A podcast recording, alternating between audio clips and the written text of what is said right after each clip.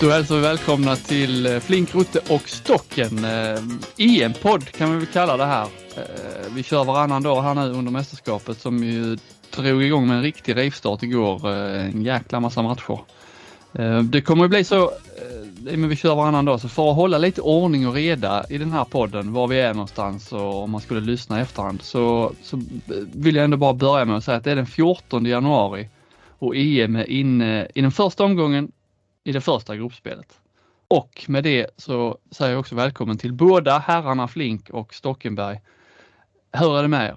Är ni, eh, Flink, jag vet du var jättetaggad på EM igår. Eh, känns som du kanske har varit mer taggad nu än någonsin trots att du inte är på plats. Håller det i sig?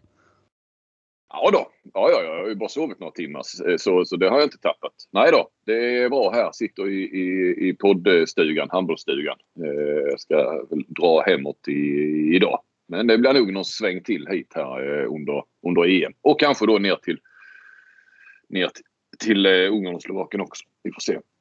Mm. Och med Stockenberg så är det fantastiskt bra. Och Johan Flink han har fått mig till den här EM-hysterin nu. Jag var, för några dagar sedan så var jag ganska låg på det här med pandemin och allt. Och jag såg att det var 70 spelare som var smittade och borta. Och, men Flinks alla artiklar har gjort mig sugen på det här och det var fan kul igår. Jag såg en hel del matcher. Man fick ju liksom, ja. Eftersom det är så många matcher samtidigt så fick man ju, när den matchen inte var jämna då slog man över och så kollade man på paddan och så kollade man på datorn och så telefon och tvn och alltså det var, det var ett, eh, ja, ett mixtrande av matcher igår men det är kul. Att det är lite, igång. ja lite, skulle jag ändå säga lite dåligt eh, planerat av arrangörerna för det var ju alla bra matcher gick ju 2030 och alla lite tråkigare gick 18. Man vill ju ha spridning. Ja. Eh, och idag är det typ tre matcher. Det var nio matcher igår va? och tre idag. Ja, jag, jag tror jag är åtta på lördag och fyra på söndag. Mm. Ja, jag fattar inte det. Eh, och jag har försökt titta lite grann på det. Inte gjort någon djupdykning. Jag har inte kontaktat EOF. Men jag frågade Wander om han hade hört någonting. Men eh, han visste inte heller riktigt. Eh, för det verkar inte, tänkte jag först, någon sån här eh, klassisk som det alltid är i VM, hemmaplans, alltså värdnationsgrej. Men så slog det mig faktiskt igår att Ungern spelar ju säkert igår för att få en extra dag. Då får de ju jämfört med sina motståndare. Va? Eh, mm. Så sa Wander att eh, sen har vi ju Bratislava. Där måste man ju dela upp det för där är det ju två grupper i samma samma hall. Men eh, det, det borde i och för sig bara innebära att, att det fördelas på flera dagar. Just.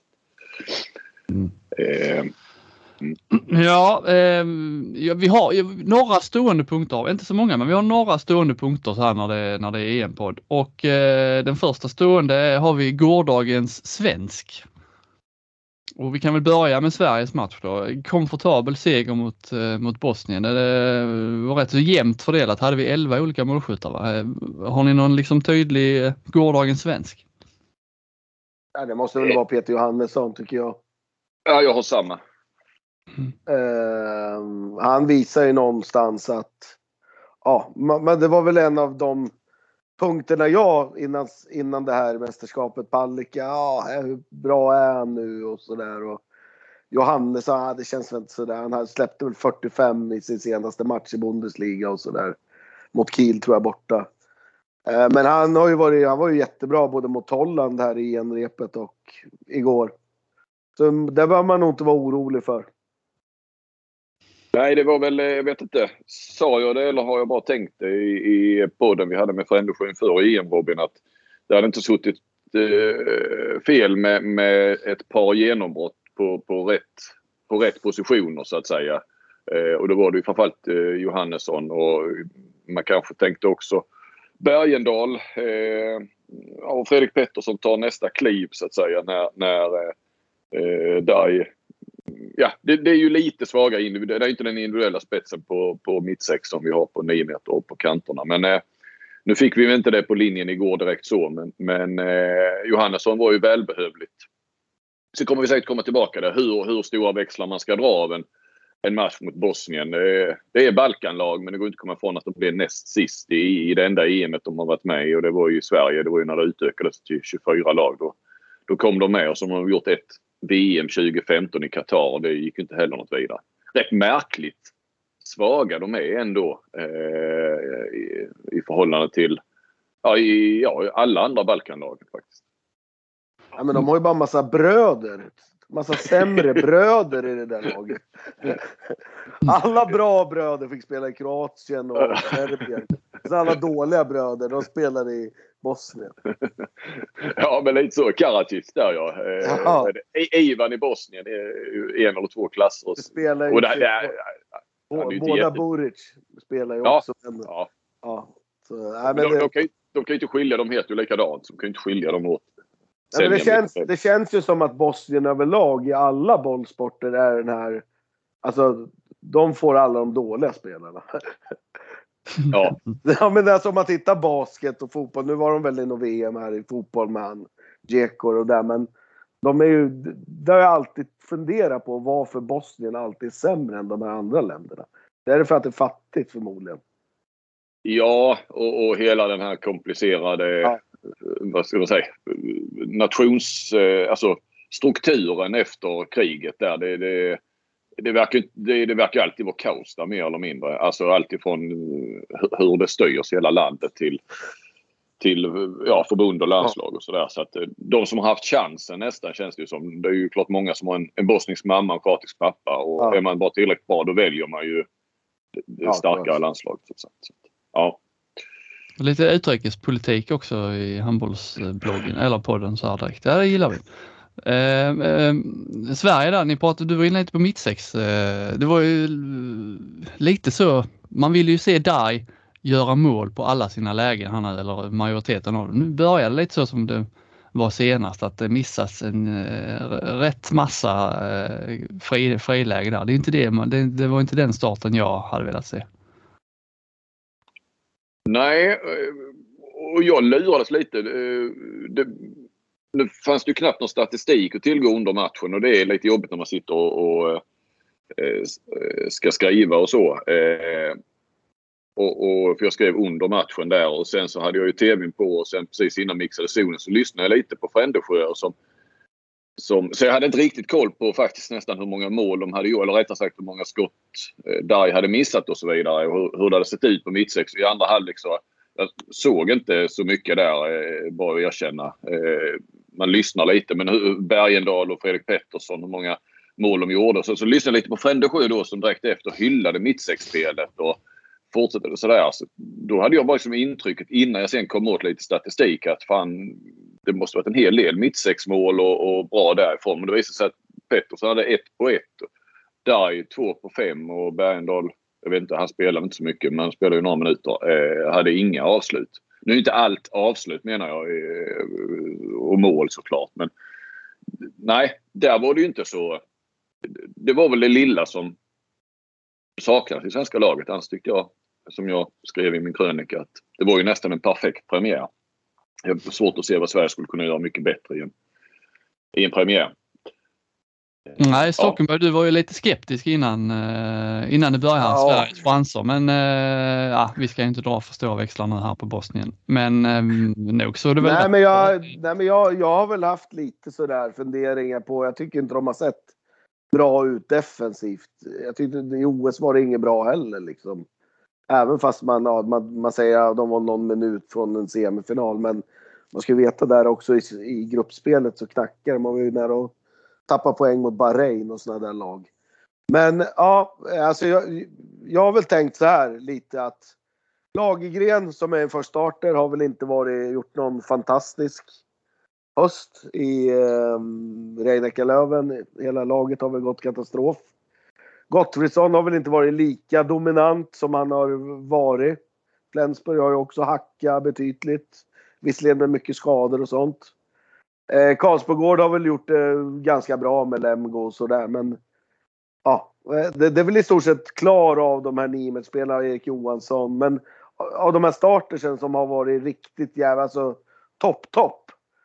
Och så målvakterna hade man ju lite sådär, visste inte riktigt vart de stod. Så jag gick väl in i det här mästerskapet med lite sådär, alltså alla snackar medalj och semifinal och final. Och, eh, men efter att ha sett dem igår så, ja.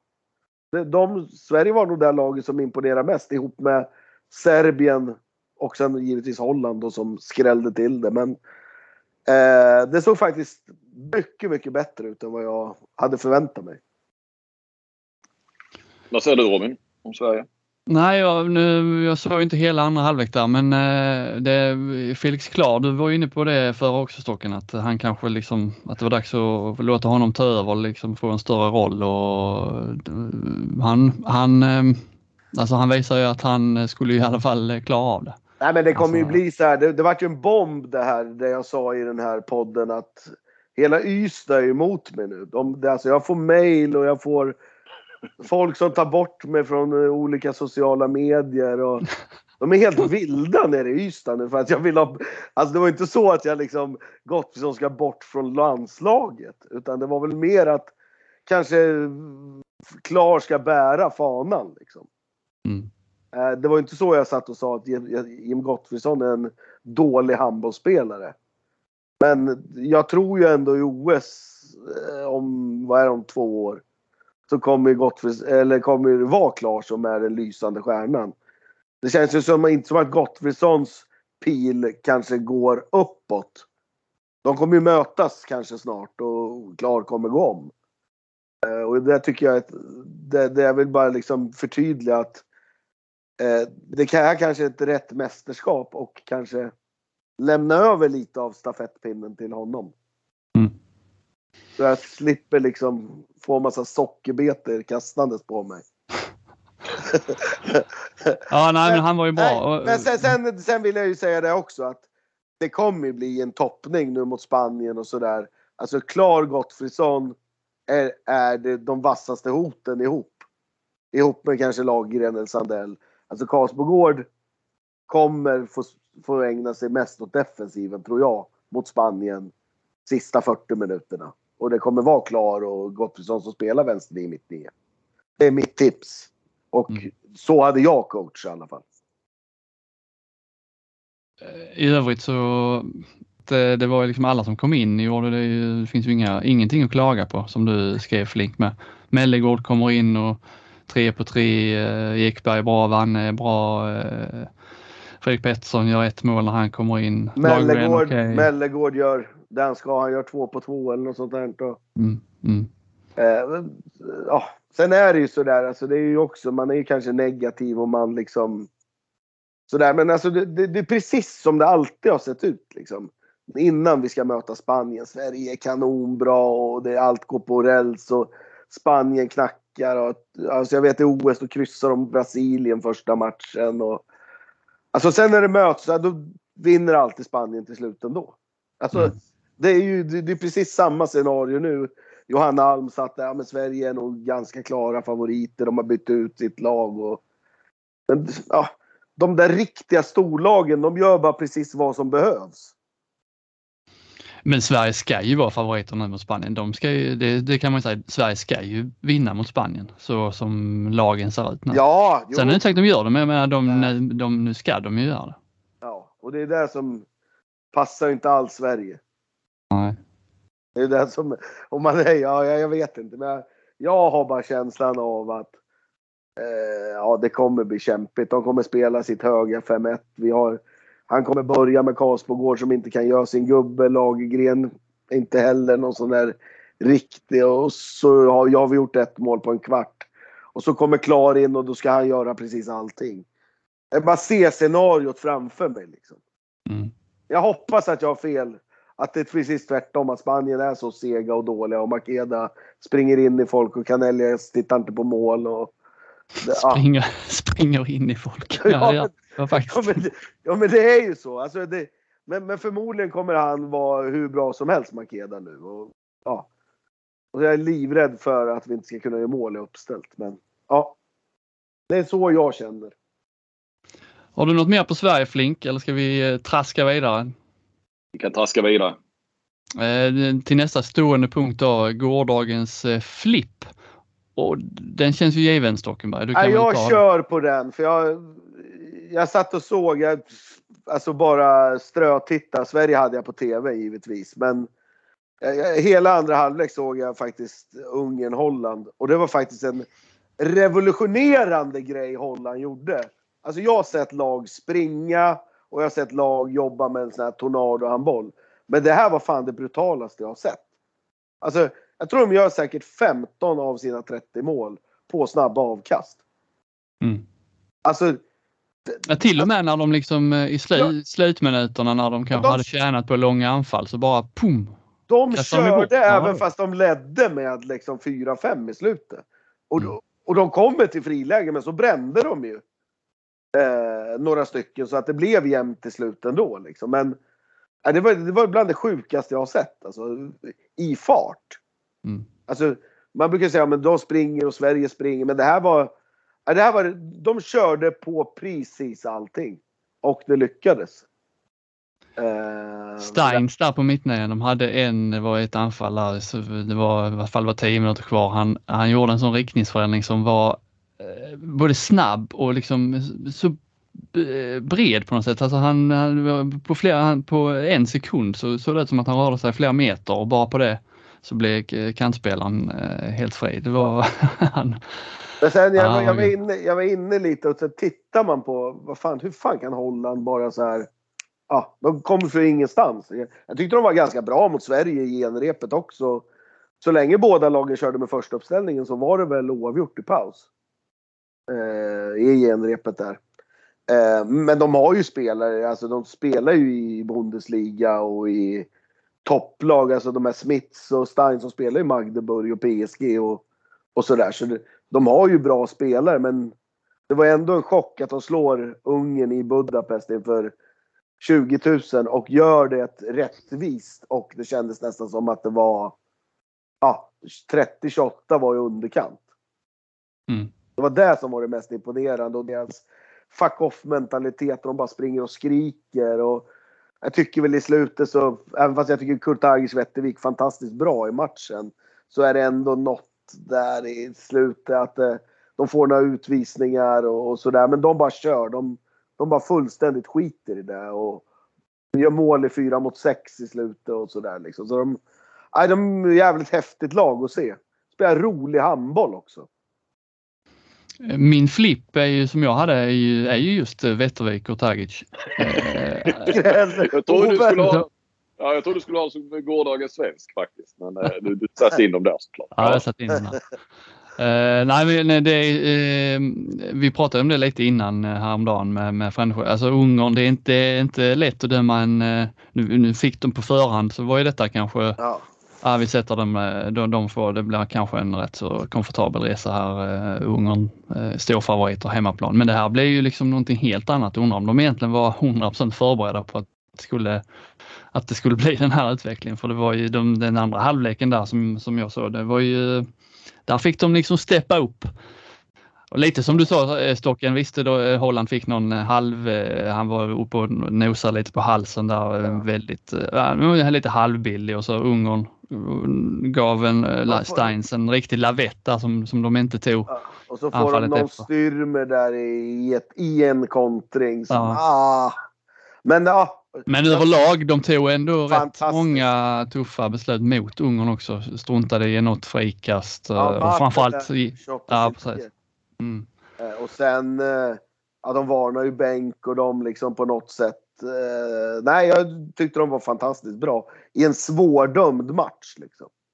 Ja, och just med de här snabb, extremt snabba avkasten då det, det finns liksom ingen, eh, ingen period att liksom eh, Vila. vila liksom så utan det var fullt, fullt tryck och eh, Wettervik eh, vaken där när eh, fick ju hjälp av eh, Stein som, men eh, att när Ungern spelar med en man mer påminner rätt mycket om Kristianstad, Skövde. Där, den situationen. Eh, tog det före delegaterna. Ja. Man fick ju granska då vem, det- vem det skulle vara sen. Ja, jag tyckte de, de eh, stod pall där. eh, Det var ju jämnt liksom. Ungern hade ett upp. Det var väl lika också någon, i några sekunder i sl- i slutet. Ja, ja 28, Eller det var var det nog 27 27 lika tror jag. Mm. Så stark start. Det, det, det här det var en bra öppning för vår eh, svenska Jag domare. måste, jag måste bara nämna det att jag såg ju ett par matcher igår. Och det som imponerar mest överlag då, förutom Holland tycker jag är flippen. Men det som imponerar mest det är målvaktsspelet i alla lag. Eller i nästan alla lag jag har sett. Liksom. Mm. Eh, jag såg Tjeckien, Spanien. Det var ju två fantastiska målvakter. Markva som ska gå till Kiel och Peres de Vargas. Sverige var, var ju fantastisk. Eh, båda i den här Ungern-Holland-matchen var ju, var ju också jätte, jättebra. Liksom. Och eh, Kroatien-Frankrike såg jag inte så mycket av, men de fick med rätt mycket beröm. Ja. ja. Landin var väl bra. Tre straffräddningar bland annat. Ja, så ja. Det, det, det var inte något sånt som jag bara reflekterar på. När man såg matcherna. Bra målvaktsspel. Eh, apropå Steins. Eh, är det så eller det, att, att vi har, den här lilla mittnian är ändå lite eh, tillbaka nu på, eh, på riktigt i, i världshandbollen? Jag tänker på slovenerna som har eh, Skube där och Sarabek. Eh, vi har ju Sindrich förstås i Kroatien och han är med. Gröndal i Elverum som vi har pratat om förr och så, eh, och så Steins då. Steins är väl den minsta av dem alla. Eh, jag tror Bosnien hade någon mittnia på 1,72. Nu gick det inte så bra för dem. Kan man vara mindre än Skube? Skube? Ja. Är Steins mindre? Steins är mindre. Han är det. Ja, ja. Det är knappt så han får åka liksom, karuseller på Liseberg eller? ja, han är 1,72 Stein. Ja. Ja, fan, då är det lika kort som jag. Och Men, Skove eh, är 1,79 googlar jag fram. Ja. Eh, nej. Ja, men det är kanske, men Stein, Steins, han är ju så extrem. Han är ju en, alltså, han är ju ett, ett snäpp ännu vassare än de andra. Just det här med Nej, han- snabbhet och Ja, precis. Han spelar ju inte riktigt med de här tempoväxlingarna. Utan han spelar ju... Han spelar ju i ett... Alltså som att han redan har tempoväxlat och så höjer han Mm. ett, en växel till liksom. Mm. Eh, och enorma passningar och enormt jävla skicklig på att liksom flytta försvar och alltså. Och sen när de, innan, när de inte tycker att han är trovärdig, ja då har han ett tillräckligt bra skott och gör mål från 9 meter. Mm. Eh, sådär. Eh, på flipp vill jag bara slänga in en kort, eh, kort grej där. Eh, jag tyckte ändå Bokvist och eh, landslaget och Wander som eh, filmade, jag vet inte om ni såg det efter i studion. Eh, Wander hade alltså filmat Bokvist när han satt och eh, coachade, eller vad man ska säga, snackade med Säterström där eh, eh, från hotellrummet. Eh, och, och, och det var inte riktigt uppkoppling. Han fick säga allting två gånger och sådär. Eh, jag bara tyckte att det var, eh, det var kul att de bjöd på det. Jag har svårt att se fotbollslandslaget göra något liknande till exempel. Och, och att det kanske inte heller var så tillrättalagt och funkade helt perfekt heller. Men eh, det, var lite, det var ett kul inslag. Kul, det blev lite kul tv faktiskt. Mm. Det håller jag med Eh, ja, Danmark har vi varit inne och tassat lite på 30-21 mot eh, Montenegro och imponerar ju såklart. Eh, eh, gårdagens flopp då, om jag får börja där så eh, tar jag nog fram Sander Sagosen där. Eh, Norge vann visserligen med 10 mot Slovakien, men Sagosen tre mål i första halvlek, en missad straff, två utvisningar. Eh, spelar inte så mycket mer sen. Eh, om Norge liksom mm, håller vi ju lite som en ja, dark horse kan man kalla dem det, men eh, de, de, det är ju ingen som har dem direkt som någon medaljkandidat. Men ska de vara det så måste ju Sandra Sagosen vara lika bra som han varit innan. Den här, eh, det, det här var ju en rätt risig start, så för mig är han eh, en flopppremiär av världens bästa. Har ni Han är, väl inte världens, han är väl inte världens bästa längre. Och så två utvisningar. Fan, så han blir rätt mycket utvisad den, när han spelar försvar. Alltså. Ja, han Men, eh, är lite eh, konstiga utvisningar med odisciplinerat eh, försvarsspel. Vem är världens bästa? Jag Ja, tycker Luke Steins kan man säga. Men Nej, men han är, men han, men han utsågs väl menar jag, eller det är någon annan som har utsetts Ja. officiellt. Nej, det kommer väl bäst 2021. Det kommer väl... Eller de har fortfarande inte utsett bästa 2020 va? Nej, det har de inte. IOF. Eh, men eh, jag tror inte det. Så, men eh, ja, Dick Avem. Gitzel. Mm, hans. Ja. Ja. Eh, lite varning där för, eh, för Sagosen och lite varning för Norge även om de eh, vann stort till slut. Vad har ni på? Har ni någon flopp eller? Ja, Ungern är väl en, kanske, det måste ju vara Mm. mega magplasket liksom. Eh, ja. Ungern tuff grupp med ju med Island Portugal. Det är inte säkert att de eh, Alltså det är inte givet att de går vidare nu. Det kan ju bli alla slår alla och ja, den, den gruppen är ju egentligen ja, den enda kanske där man inte alls kan se vilka eh, två, där, något där, av lagen som går vidare. Där har jag ett span idag. Yes. Jag, jag tror Island kommer vinna den gruppen. Mm. De har ett vasst alltså, lag faktiskt. Alltså Island är bättre. Alltså de också sådana som smyger. De kan slå precis vilket lag som helst. Det handlar ju bara som vanligt om att har de några räddningar. Mm. Eh, och, så ska de ju, och så ska de ju vara bra mer än bara de första tre matcherna också. Om de ska gå ja. långt menar jag. Men, men eh, vinna gruppen, absolut. Och där måste jag ju flika in. Vi glömde ju det med Sverige, för jag skrev ju en fråga här. Alltså Sverige har ju varit så här, de snackar om sin bredd hela tiden. Men Solberg har ju varit väldigt att han har pumpat den här första uppställningen. Oavsett om de leder med 10 eller inte. Men nu såg man ju väldigt tecken på att de de vilar så fort de kan vila de här eh, Gottfridsson och Dari och de här. Eh, så det var ju ett ja, lite annorlunda coaching mot hur det har sett ut innan. Mm. Och det tror jag de kommer ha nytta av sen när det, ja, de här riktiga matcherna börjar. Så det var positivt också att de fick vila mycket. Platsar, eh, jag tänker på Island där, platsar Palmason i en startuppställning där? Ja, men det gör han väl. Rätt så risig höst ju. Ja. Nej, de kanske startar med Smarason, Ingemansson, han från Magdeburg på höger nio. Och vänster nio har de väl en uppsjö av. De heter ju likadant allihopa där så. Ja, jag vet inte. Svår, svåra att hålla isär tycker jag med. De heter ja. Magnusson och sånt allihop. Och ja. tre namn. Alltså. Ja, precis.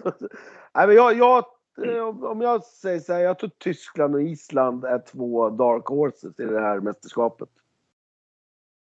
Eh, på tal om Ungern som flopp där så, så jag undrar om vi snart får se en ändring av EM-formatet.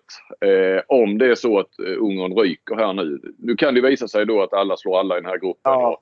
Och, och helt plötsligt så har Ungern vunnit rätt ja, fyr, match. Och så. Fyra poäng med sig och sådär liksom. Ja, två poäng kan du bara. Det är ju bara två lag ja, som går vidare. Okay. Eh, men, men eh, vi minns eh, Danmark i, i Sverige där. Det var ju en, en det blev ju en, en kommersiell katastrof nästan när Danmark rök redan i gruppspelet för den mellanrundan i Malmö. Tänker Ungern nu ryka i, i gruppspelet och så är det plats för 25 000 i, i Budapest och så ska det spelas en mellanrunda. och, och man kanske till och med har sett att Ungern skulle kunna gå till, till medaljmatcherna och finalhelgen också.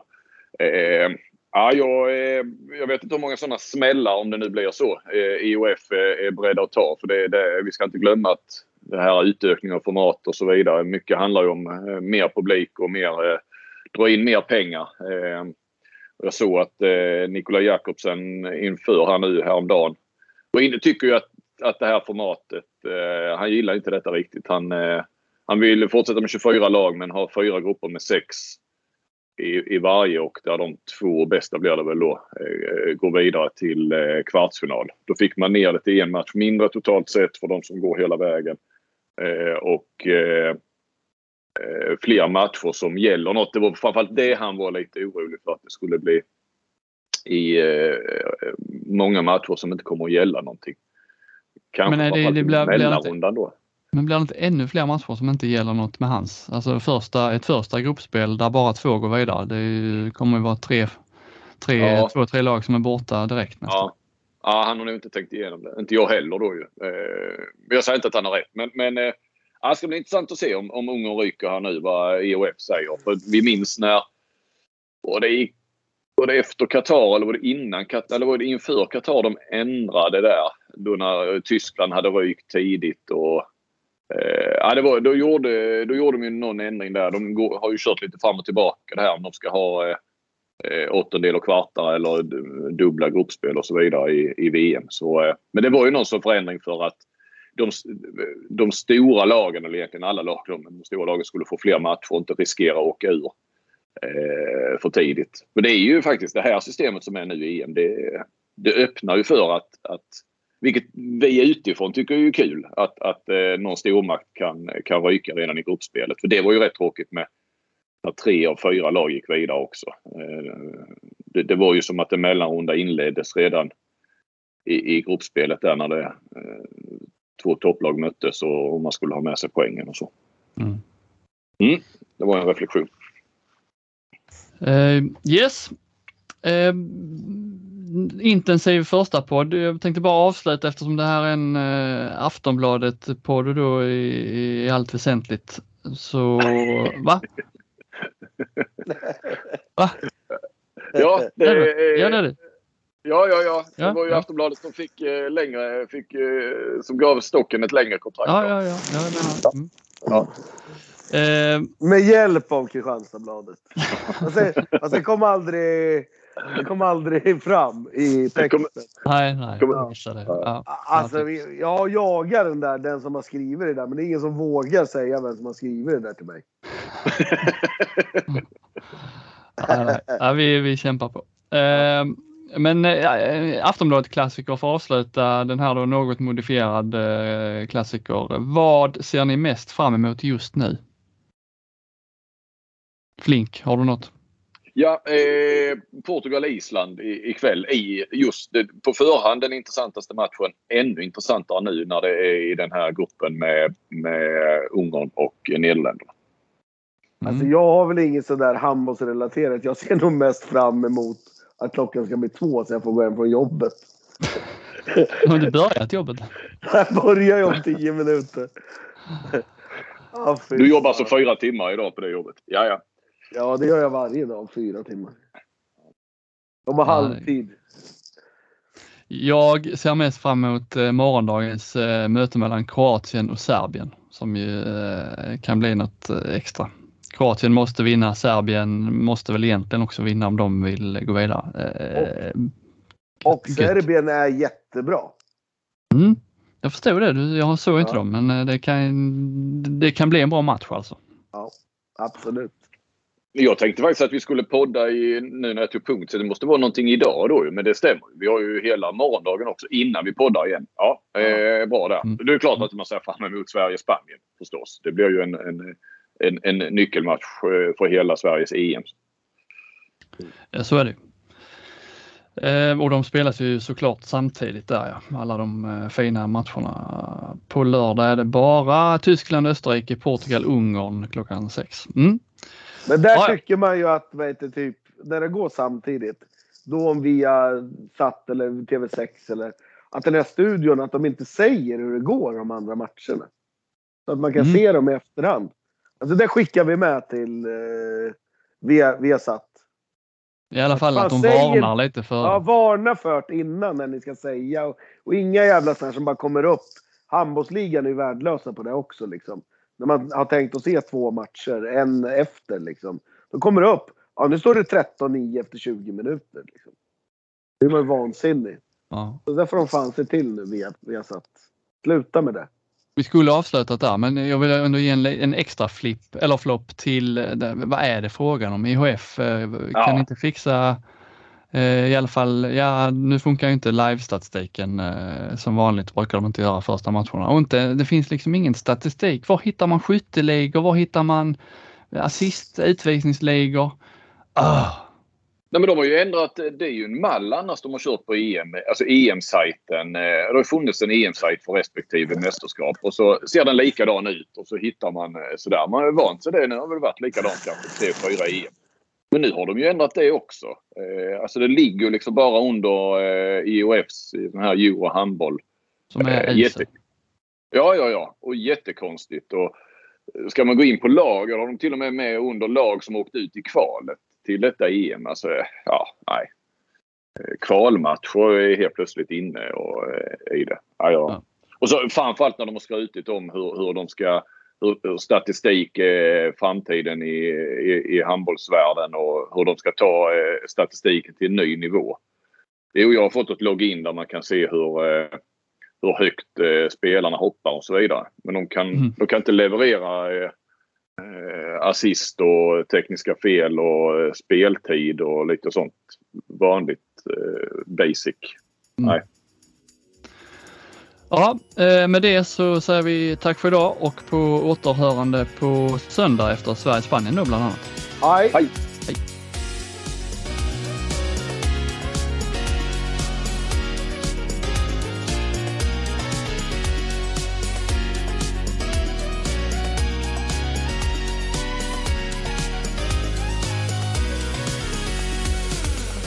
Du har lyssnat på en podcast från Aftonbladet. Ansvarig utgivare är Lena K Samuelsson.